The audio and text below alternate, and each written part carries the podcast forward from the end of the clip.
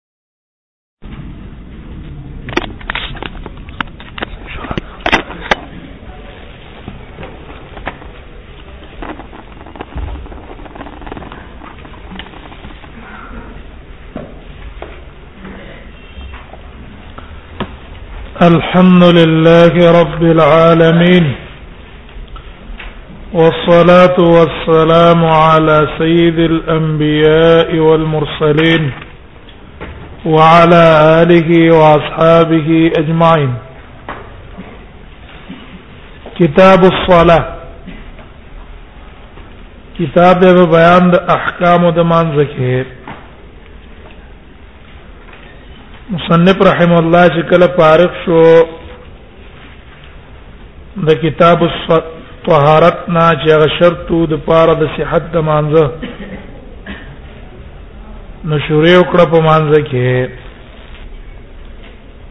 ویل کتاب الصلاه کتاب د بیان د احکام د مانزه کې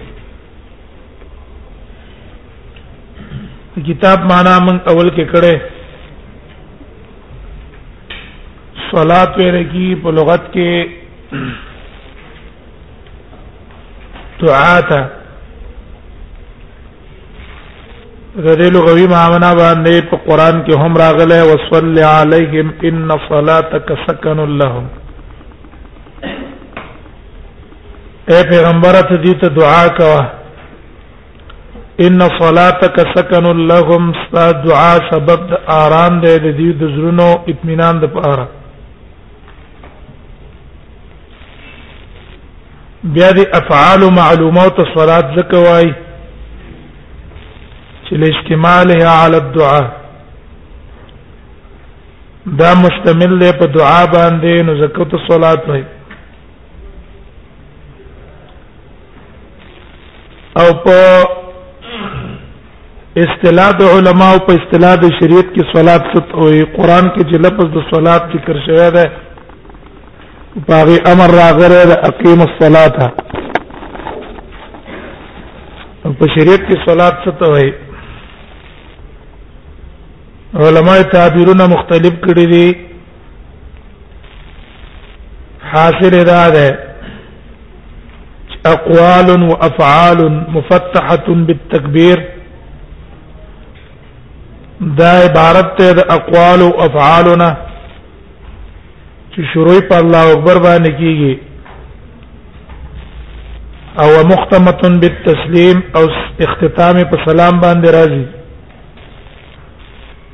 شروع چې کې الله اکبر باندې بکې او اختتام چې کې په سلام باندې بکې به د علماء اختلاف دی په اشتقاق کې چې آیا لفظ د صلاتون چانه مشتق دی کنه نه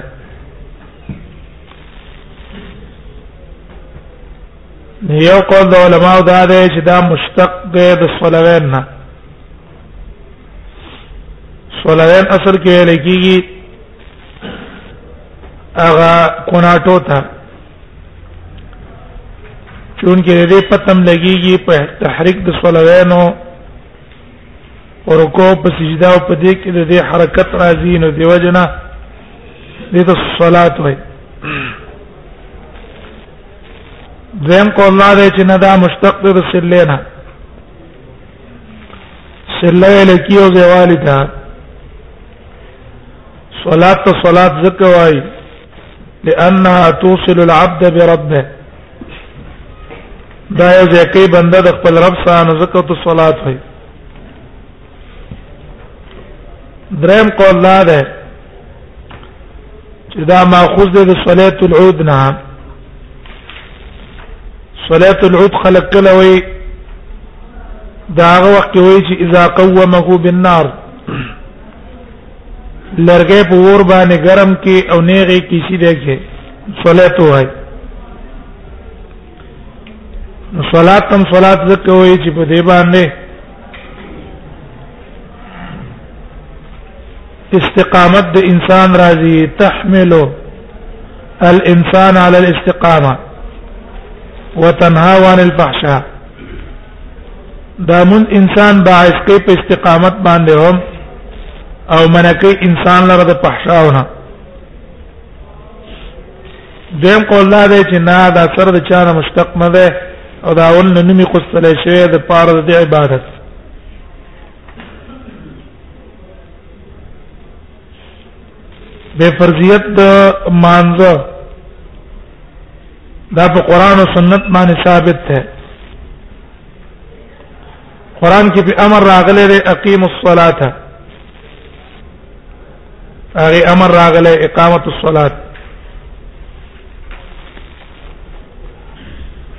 دارنګه فرضیت په حدیث هم راغلی ده لکه مصنف رحم الله به اول حدیث راوړي د پار د فرضیت خمس صلوات في اليوم والليله اول حدیث براوړي د فرضیت لپاره او ان عقد الاجماع على فرضيتها د تمام علماو چې د هر مذهب سره تعلق لري دا غي ټول اجماع ده په فرضیت تمانځ باندې چې مونږ فرض ده چا چې د مانزه د فرضیت نه انکار وکړو په اتفاق د علماو کافر نه او وجن به زکه دا کافر شوی دی مرتد شوی دی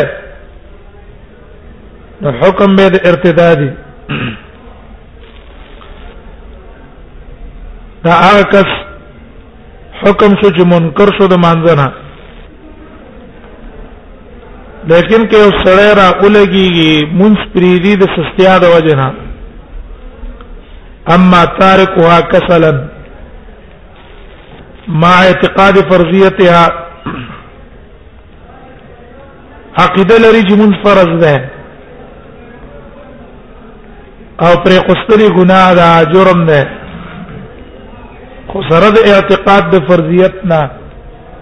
دا سړی را لګي دا مونږ نه راستي د وجه نه پری دی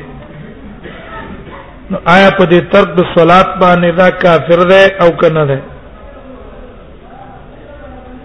دویم په دې ترک باندې د حد قتل له او کنه دی تارک الصلات کسلن کې دوه حکم لري دو مسئلې دي یو مسله دا متعلق د د کفر او د ایمان سره او دویمه د د حد سره نو حد په اعتبار باندې جمهور علما مالکیان شوافی حنابلہ او محدثین علما د دې ټول حکم دا دی چې دا به وجل کیږي چا چې مونږ پرې قستلو دا به وجل کیږي مانا منځ پر کوستو حاکم به را بلی کتوبه وستر هغه منځ ادا کړو پرې وې دي او کتوبه وینستا وینستا لا توبه نو وجنی به دا د حد ده د امام بونی فرحم الله را ادا ده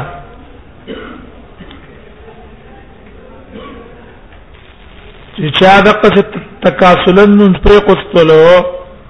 دا حد حبس ته جیل ته به اچه وې به حتا يؤديها ويموت تر دې چې دا مون او کیا به تر مرګ پورې په دې جیل کې هم د قصه پروت دی دیو مسله د د په اسلام او په کوپر کې ده ایا د تارک الصلات باندې به احکام د کافر جاری کیږي او که احکام د مسلمانانو به جاری کیږي نو د امام احمد او د بعض محدثین قول لا د محدثین علماو چې دا سړی په ترک د صلات باندې کافر شو او احکام د کافرانو په جاری کی مسلمانان به جنازه نه کوي د مسلمانانو په دیره کې به خخینا د دک ورثه مسلمانان دی به میراث نه وړي لا يرث مسلمانان کافر مسلمان د کافر نه میراث پړای نشي خزه په طلاق یې چې کله خزه د منځ پابند وا دا غي سه بس نکاح ما تشوا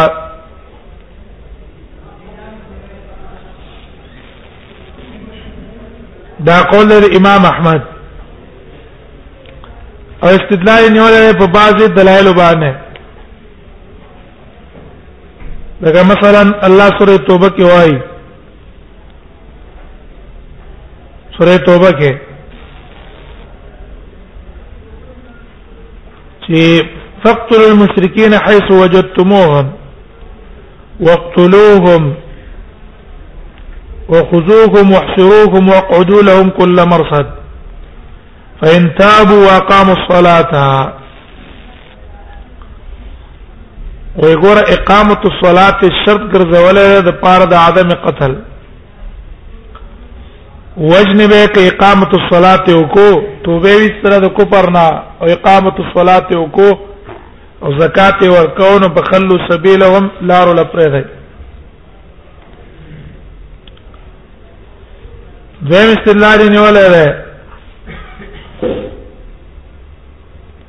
هغه مشهور حدیث د جابر باندې بین الرجل و بین الكفر ترک الصلاه د جا د سړی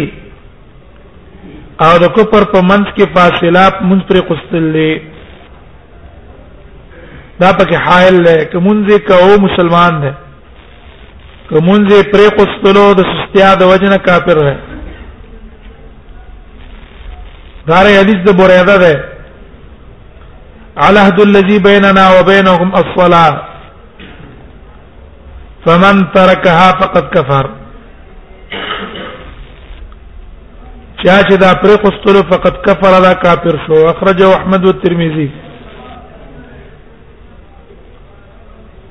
دار حدیث د عباده ابن صامت ته من ترک الصلاه متعمدا فقد خرج من المله چا چې من قصدن پر قصتلو فقد خرج من المله دا د اسلام نه اوته نور دلایلم دا غیو دي او په هر یو دلیل کې مناقشه شته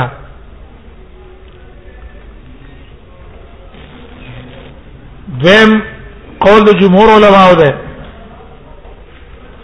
جمهور علماء جمهور علماء کې حنابلة دي دا شوافع دي مالکيان دي احناف دي او ابن حزم ظاهري ده او نور بعض علماء دي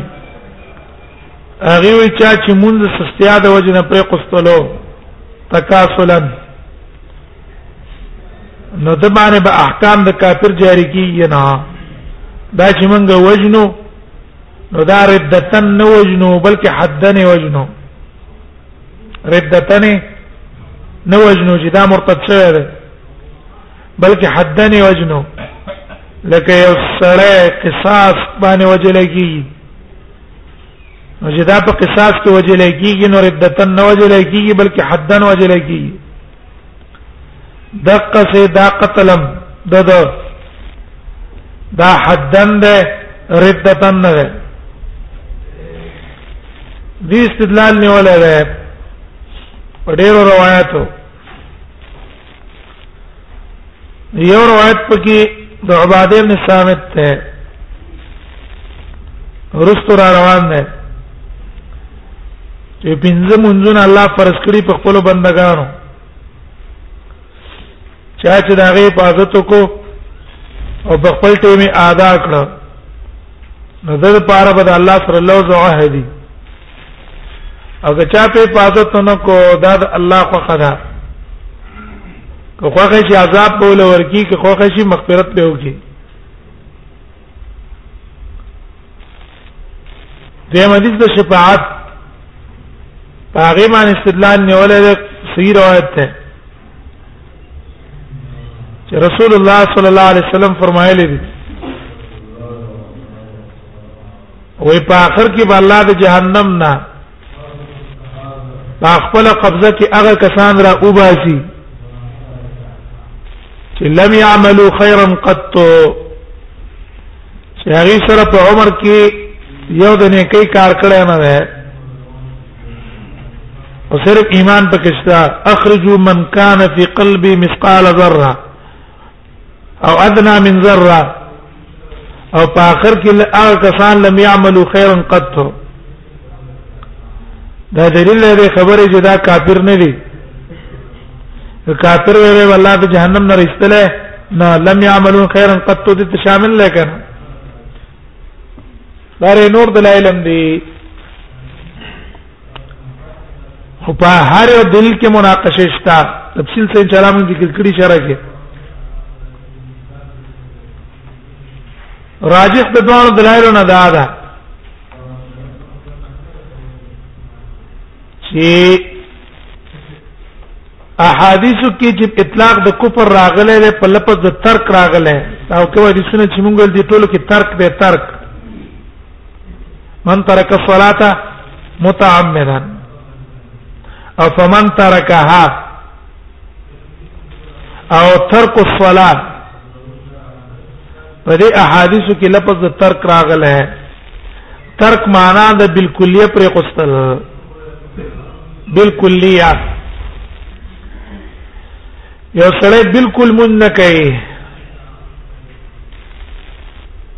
نو کدا سره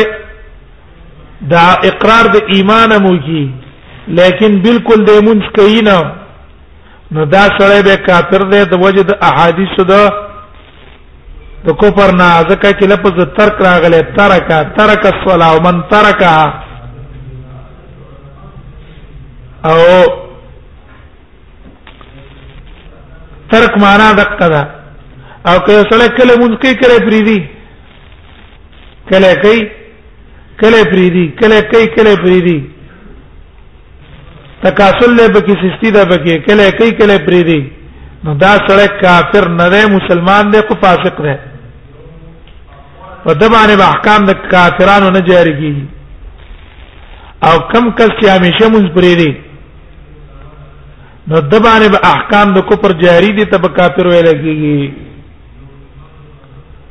راي چا دي احادیثو کې سره نظر وکي د احادیثو د نظر نه دا خبره معلومیږي نو فرضیت په دې باندې ثابت ده بیا دا فرشه ده په اتفاق علماء په ليله الاسراء کې نبی صلی الله علیه وسلم معراج ته تلو او الته دا مونږ فرض شوه ده الته فرض شوه او دې د فرضیت نه اهمیت هم د مانزه معلوم شو سونه عبادت چې فرض شوی دي جبرئیل السلام الله را لګل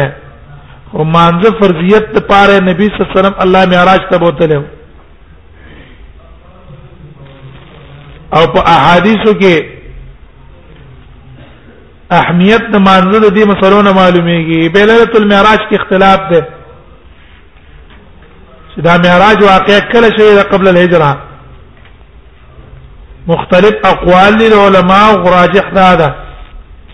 چې دا ليله المعراج قبل الهجره بسنه ونصف نبی سم د هجرت نه یو نیم کال مخکې معراج واقع شوه دا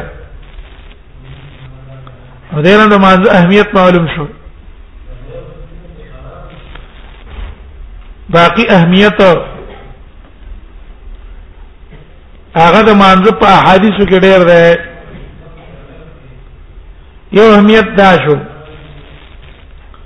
چې د ایمان نرستو اول نمبر واجب مونږ ده اول نمبر واجب مونږ ده معاذ رضی الله عنه چې لګلو نو فیضا قالو اره یمن ته چې لګلو نو ته ویل چې کله دعوت لا اله الا وکړه فاعلمهم خبر لور کان الله افترض عليهم خمس صلوات چې الله په پنځه منځونه فرض کړی دی حدیث کې ته د اسلام رکن ویل شی د بعد الشهاده من ارکان الاسلام ده بنی الاسلام علی خمس حدیث ته بکې په پنځه شینو باندې فرض ده تمام انبیاء باندې د مونږ فرض تمام انبیاء د مونږ کو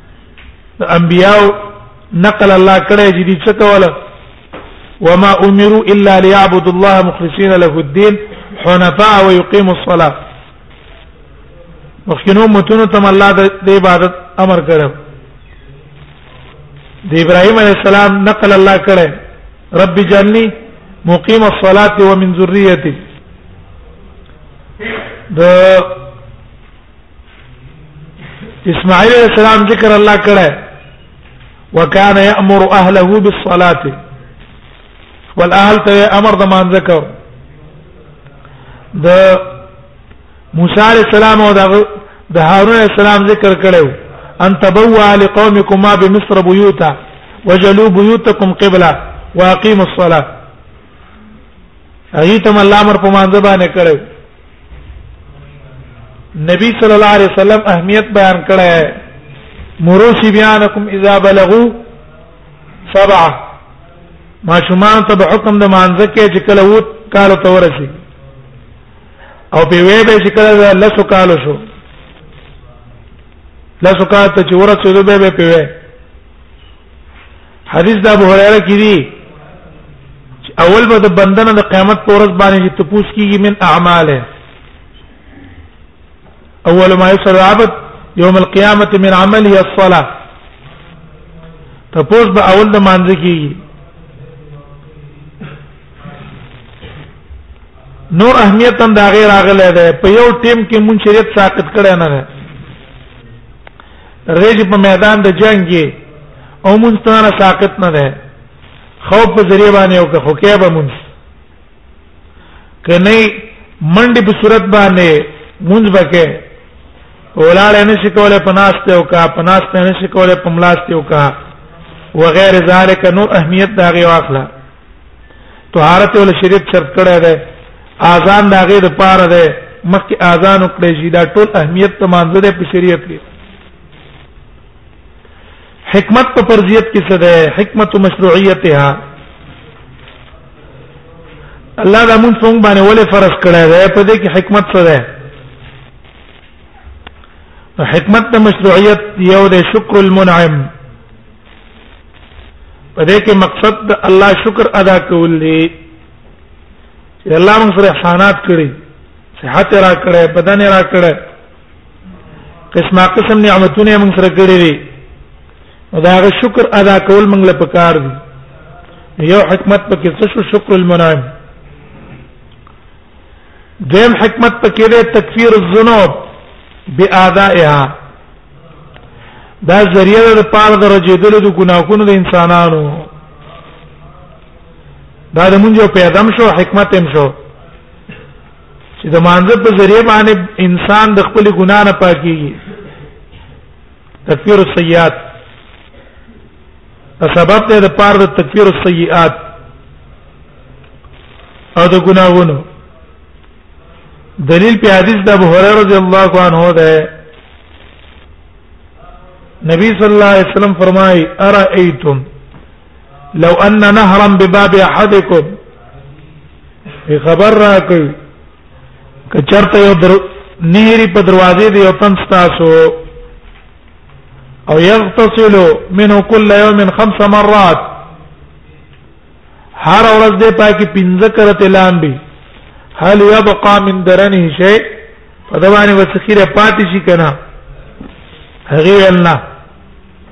خیره په نه پاتې کیږي نبی صلی الله علیه وسلم فرمایله چې دقه سي مثال لمون ده فذلك مثل الصلوات الخمس اول حدیث ته نبی صلی الله علیه وسلم غوونه څنډه او ویل چې انسان نه ګناونه دقه سره رجیږي لکه چې څنګه دی ونه نه کما تحافت ورق هذه الشجره دی ونه لا پانه چې څنګه سره وګرځیدل دقه چې انسان نم ګناونه رجیږي غرزيږي په مان دسنا دا حدیث د ابو هريره نه هرن والا د شیخان راوړل سبب فرضیتها سبب د فرضیت د مونږ څه ده نو سبب حقيقي د فرضیت د پار اصل کې ایجاب الله فی الازل ہے ایجاب الله فی الازل دا واجب ول الله دې د مانځ په ازل کې ازل کې الله موږ باندې موږ فرض کړی دی نو دا ایجاب د الله اصل کې سبب حقيقي دی د پاره د فرضیت چون کې هغه اجل د الله هغه سبب حقيقي چې هغه ایجاب د الله دی په ازل هغه مونږ ته معلوم نه ده دغه مونږ نه غایب ده مونږ یې اینو نه نو الله تعالی دا غي د پر اسباب وګرځول اسباب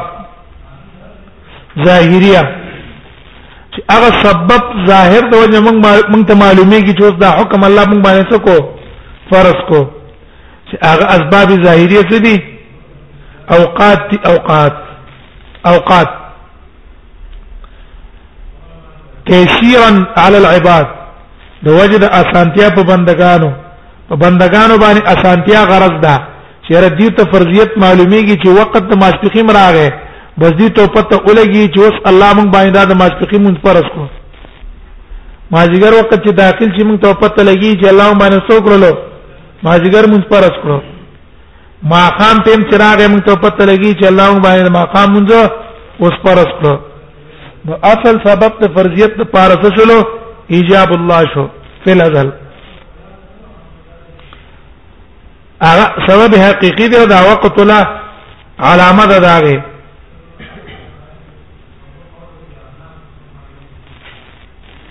بیا موږ دا ویلو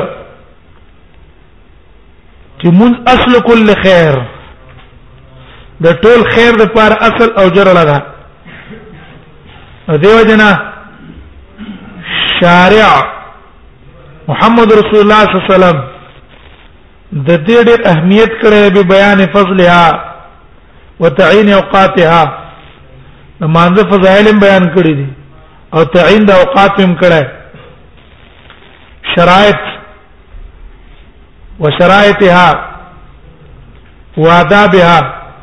د مانده شرایط هم بیان کړی چې د مانده د صحت لپاره دا شرط ده دا غي آداب هم بیان کړی اهتماما عظیما دا څه اهتمام کړی دی چې لم یکن فی سائر انواع الطاعات چې نور قسمه طاعتونه کې دون اهمیت شته نه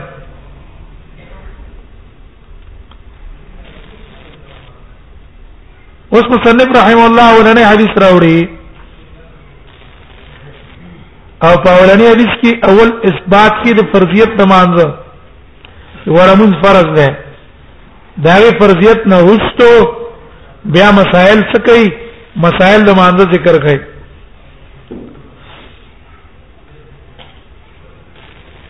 عن ابيه انه بسم الله الرحمن الرحيم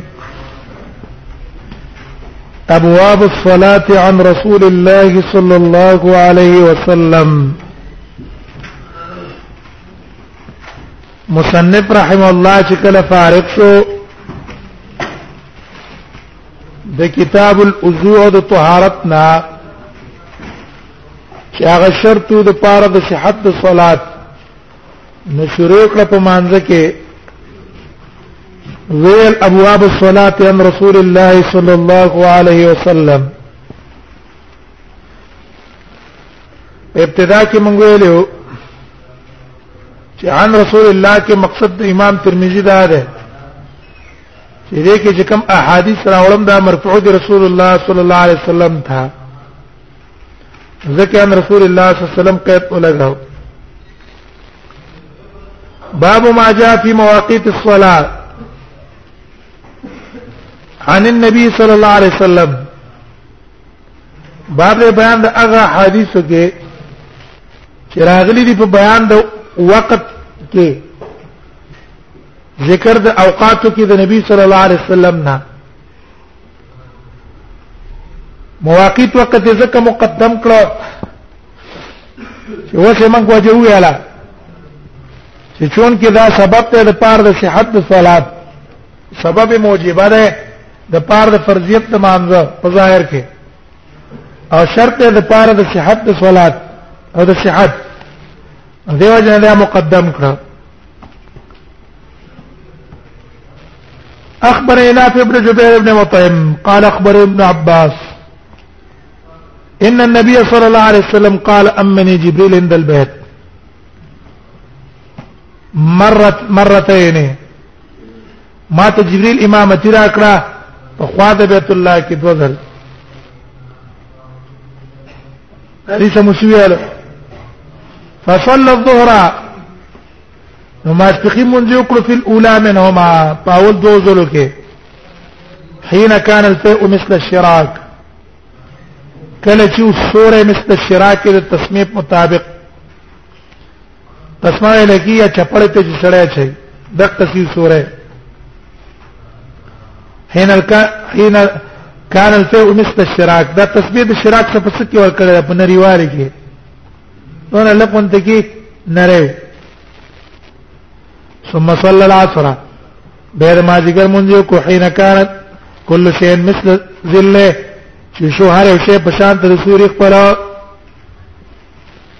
هر شیخ خپل سوري مطابق شو معنا سوره د چن مطابق شو ثم صلى المغرب حين وجبت الشمس بعد ما قام منذ حين وجبت الشمس کله جنور پریوتو وافطر الصائم او داخل شو وقت درو جماعتي درو جدار درو جي درو جدار ثم صلى العشاء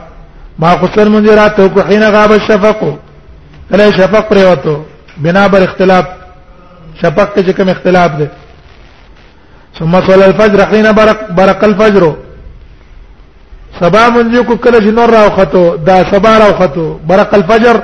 برق په معنا د طلع ده سبا راوخته وحرم الطعام على الصائم او حرام شو خوراک پر روزدار باندې وصل المره الثانيه زم ذل منذ کو زوره د ماسپقیمه حين كان ظل كل شيء مثلا کله چې سوره دارو شی او چندو لوقت العصر بلمس په هغه ټیم چې د ماجیګر مونږی پرون کړو په هغه ټیم باندې ماسپخیمو کو امام مالک او د علماو منځ کې وخت مشترک شو وقت مشترکه جمهور قائل د اشتراک نه دي ثم صلى العصر بیا د ماجګر مونږ کو حين كان ذل كل شيء مثل هذا كان د تورسیدو ثم صلى المغرب د وخت الاول بیا د ما خام مونږ کو پاول ټیم ثم صلى العشاء الاخره بیا د ما خصن مونږ وکړلو عشاء شقیت د اخره ذکر لګی چې په ماقام باندې مطلق د عشاء کیږي حين ذهب ثلث الليل کله چې درې مشه د شپې لاړه ثم صلى الصبح به د سار مونږ یو کو حين اسفرت هغه ټیم کې اسفرت الارض چې رڼا کړه زمکه لړه ثم التفت الى جبريل فقال يا محمد هذا وقت الانبياء من قبلك والوقت فيما بين هذين الوقتين وقت د دې اوقات په منځ کې ده وفي الباب عن ابي هريره وبريده وامام ترمذي رحمه الله د خپل عادت مطابق چې کوم روایتونه دي اوقات متعلق دي هغه ته په اشاره کوي وي په دې باب د اوقاتو کې د ابو هريره د هغه روایت نقل لري د بريده نقل لري د ابو موسی بن مسعود بن سعيد جابر او عمرو ابن حزم بر ابن عازب او انس نه دا ابو هريره روایت امام ترمذی نه صحیح راوړل امام ترمذی او امام نسائی راوړل ورپسې روایت د ترمذی ده کنه عن ابي صالح عن ابي هريره قال قال رسول الله صلى الله عليه وسلم ان للصلاه اولا واخرا ورپسې روایت ده روایت د بوریدا دا امام ترمذی راوړی د بوریدا روایت هم امام ترمذی راوړی دی دا رنګ د دغه والا روایت ها امام ترمذی راوړی ابو موسی والا روایت امام مسلم امام ابو داود او امام نسائی راوړی دا ابي مسعود روایت امام مالک راوړی دی په موطا کې دا ابي سعيد روایت امام احمد امام تحوی راوړی او د جابر رضی الله عنه روایت امام احمد امام ترمذی امام نسائی راوړی او د عمر روایت اسحاق راوړل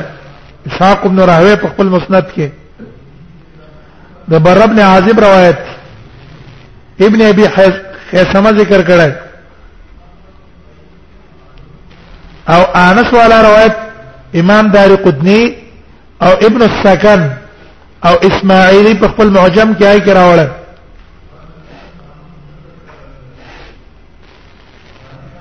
وبي قال حدثنا احمد محمد بن موسى قال حدثنا عبد الله بن مبارك اخبرني حسين بن علي بن الحسين اخبرني وهب بن كيسان عن جابر بن عبد الله عن رسول الله صلى الله عليه وسلم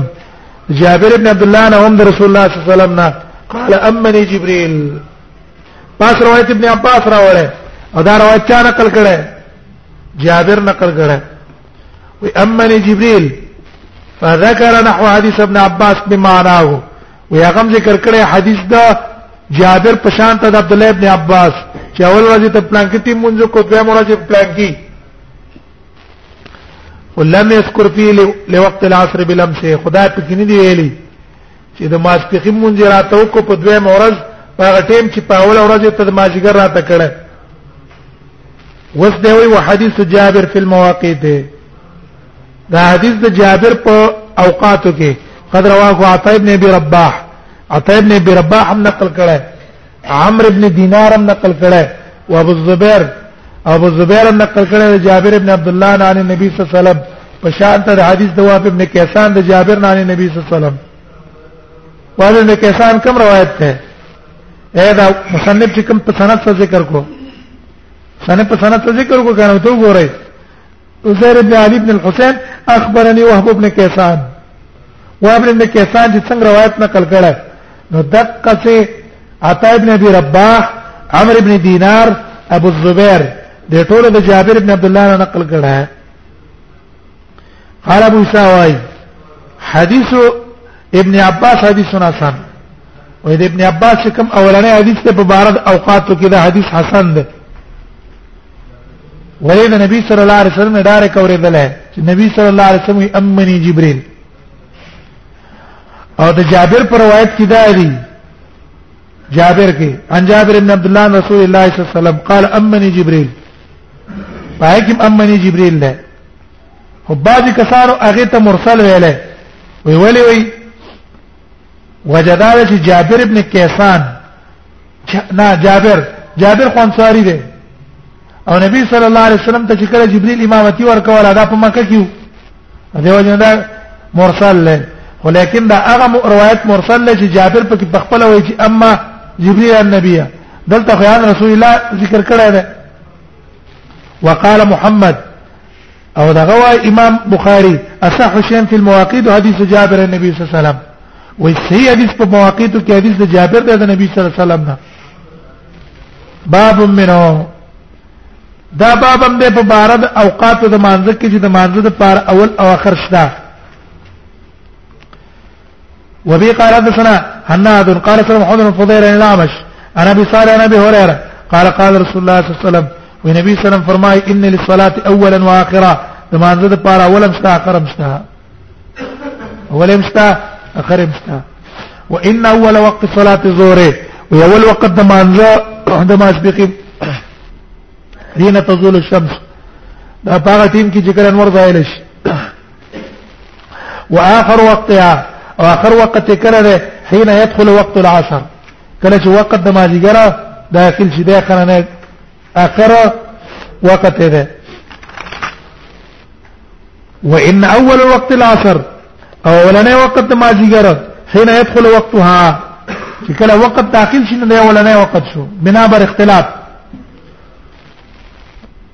وان اخر وقت حين تسفر الشمس او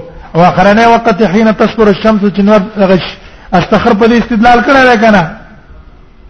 استخر په دې استدلال کړه ومن ویل چې دا کم وخت ته اختیاري وان اول وقت المغرب حين تغرب الشمس اول وقت ما غا ما خام کله چې نور پریوزي وان اخر وقت حين يغيب الشفق اخر وقت هغه چې شفق پریوزي بنا بر اختلاف چې مخکې بیان کو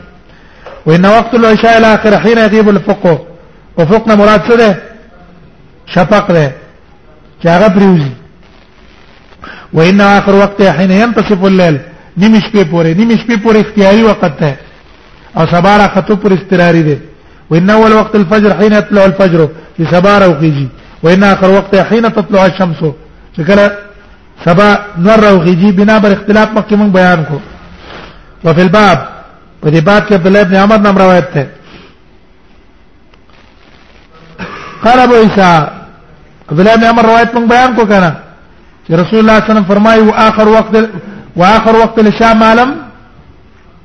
معلم تر دغه پورې ده چې بل وخت نه معلم يحضر الوقت بل وخت راغلی نه قال ابو اسحاق سمعت محمد يقول حديث ده عمش المجاهد په مواقيت کې اصح ده حديث محمد بن فضيل عن عمشنا ولي وذكر حديث محمد بن فضيل خطا ده اخطا في محمد بن فضيل په سند کې خطا شوی دی ولی هغه دا روایت نقل کړی ان الاعمش انا بصالح انا ابي صالح سيدا دا چې عن الاعمش عن مجاهد عن ابي هريره د ابي صالح په ځای دا څوک دی مجاهد دی اخطا في محمد الفضيل محمد الفضيل په دې کې خطا شوی دی وبي قال سنا محمد قال سنا ابو اسامه انا ابي ساق الفزاري انا الاعمش عن مجاهد قال كان يقال وې د صحابه په زمانه کې بده څه ویل کېدل چې ان للصلاه اولا واخره مانزه د پاره اولم دی اخرم دی وذكرنا حديث محمد بن فضيل العمش نحو بمعناه هغه څنګه نقل کو دا بل روایت راوړل سليمان ابن بريده نبي دا روایت ته امام ترمذی ته اشاره وکړه کنه بريده کوم ده قال يو اتى النبي صلى الله عليه وسلم رجل يا سره نبی صلی الله علیه وسلم تراغه فساله مواقيت الصلاه د نبی صلی الله علیه وسلم ته پوښتنه په بار د اوقات د مانځ کې اول ټیم کوم وخت شروع کی اخر ټیم کوم وخت پورې ده فقال نبی سمت لقم معنا من فی سار شا من زپات شا ان شاء الله نبی صلی الله علیه وسلم ځان زپات کو دا دیر پاره چې بیان تو کی د اوقات فعلا عملا ځکه تعلیم بالفعل اوقاع په ذهن کې په اعتبار د قول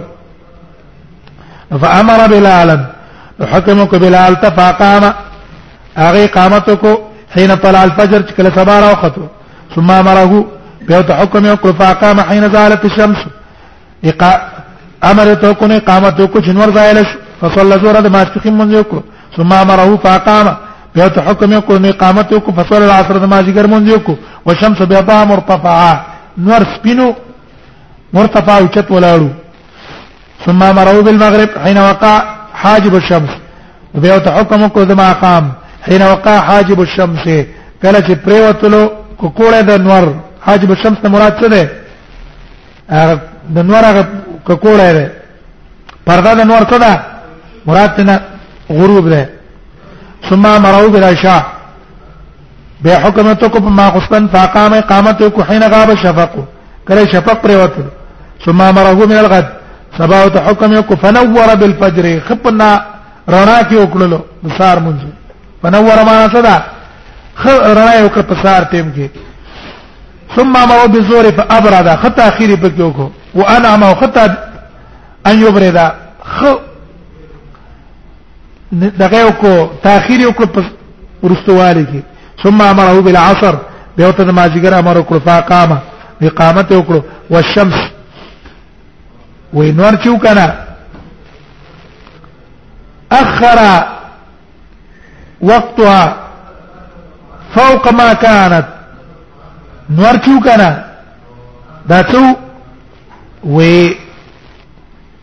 رستو وقت داغه فوق ما كانت مکه دانه چې پرونو پرونو چې څوره کم ټیمو کړه داغه نه لک ما ذکر رستو کو ډیر رستواله فکر نه کړه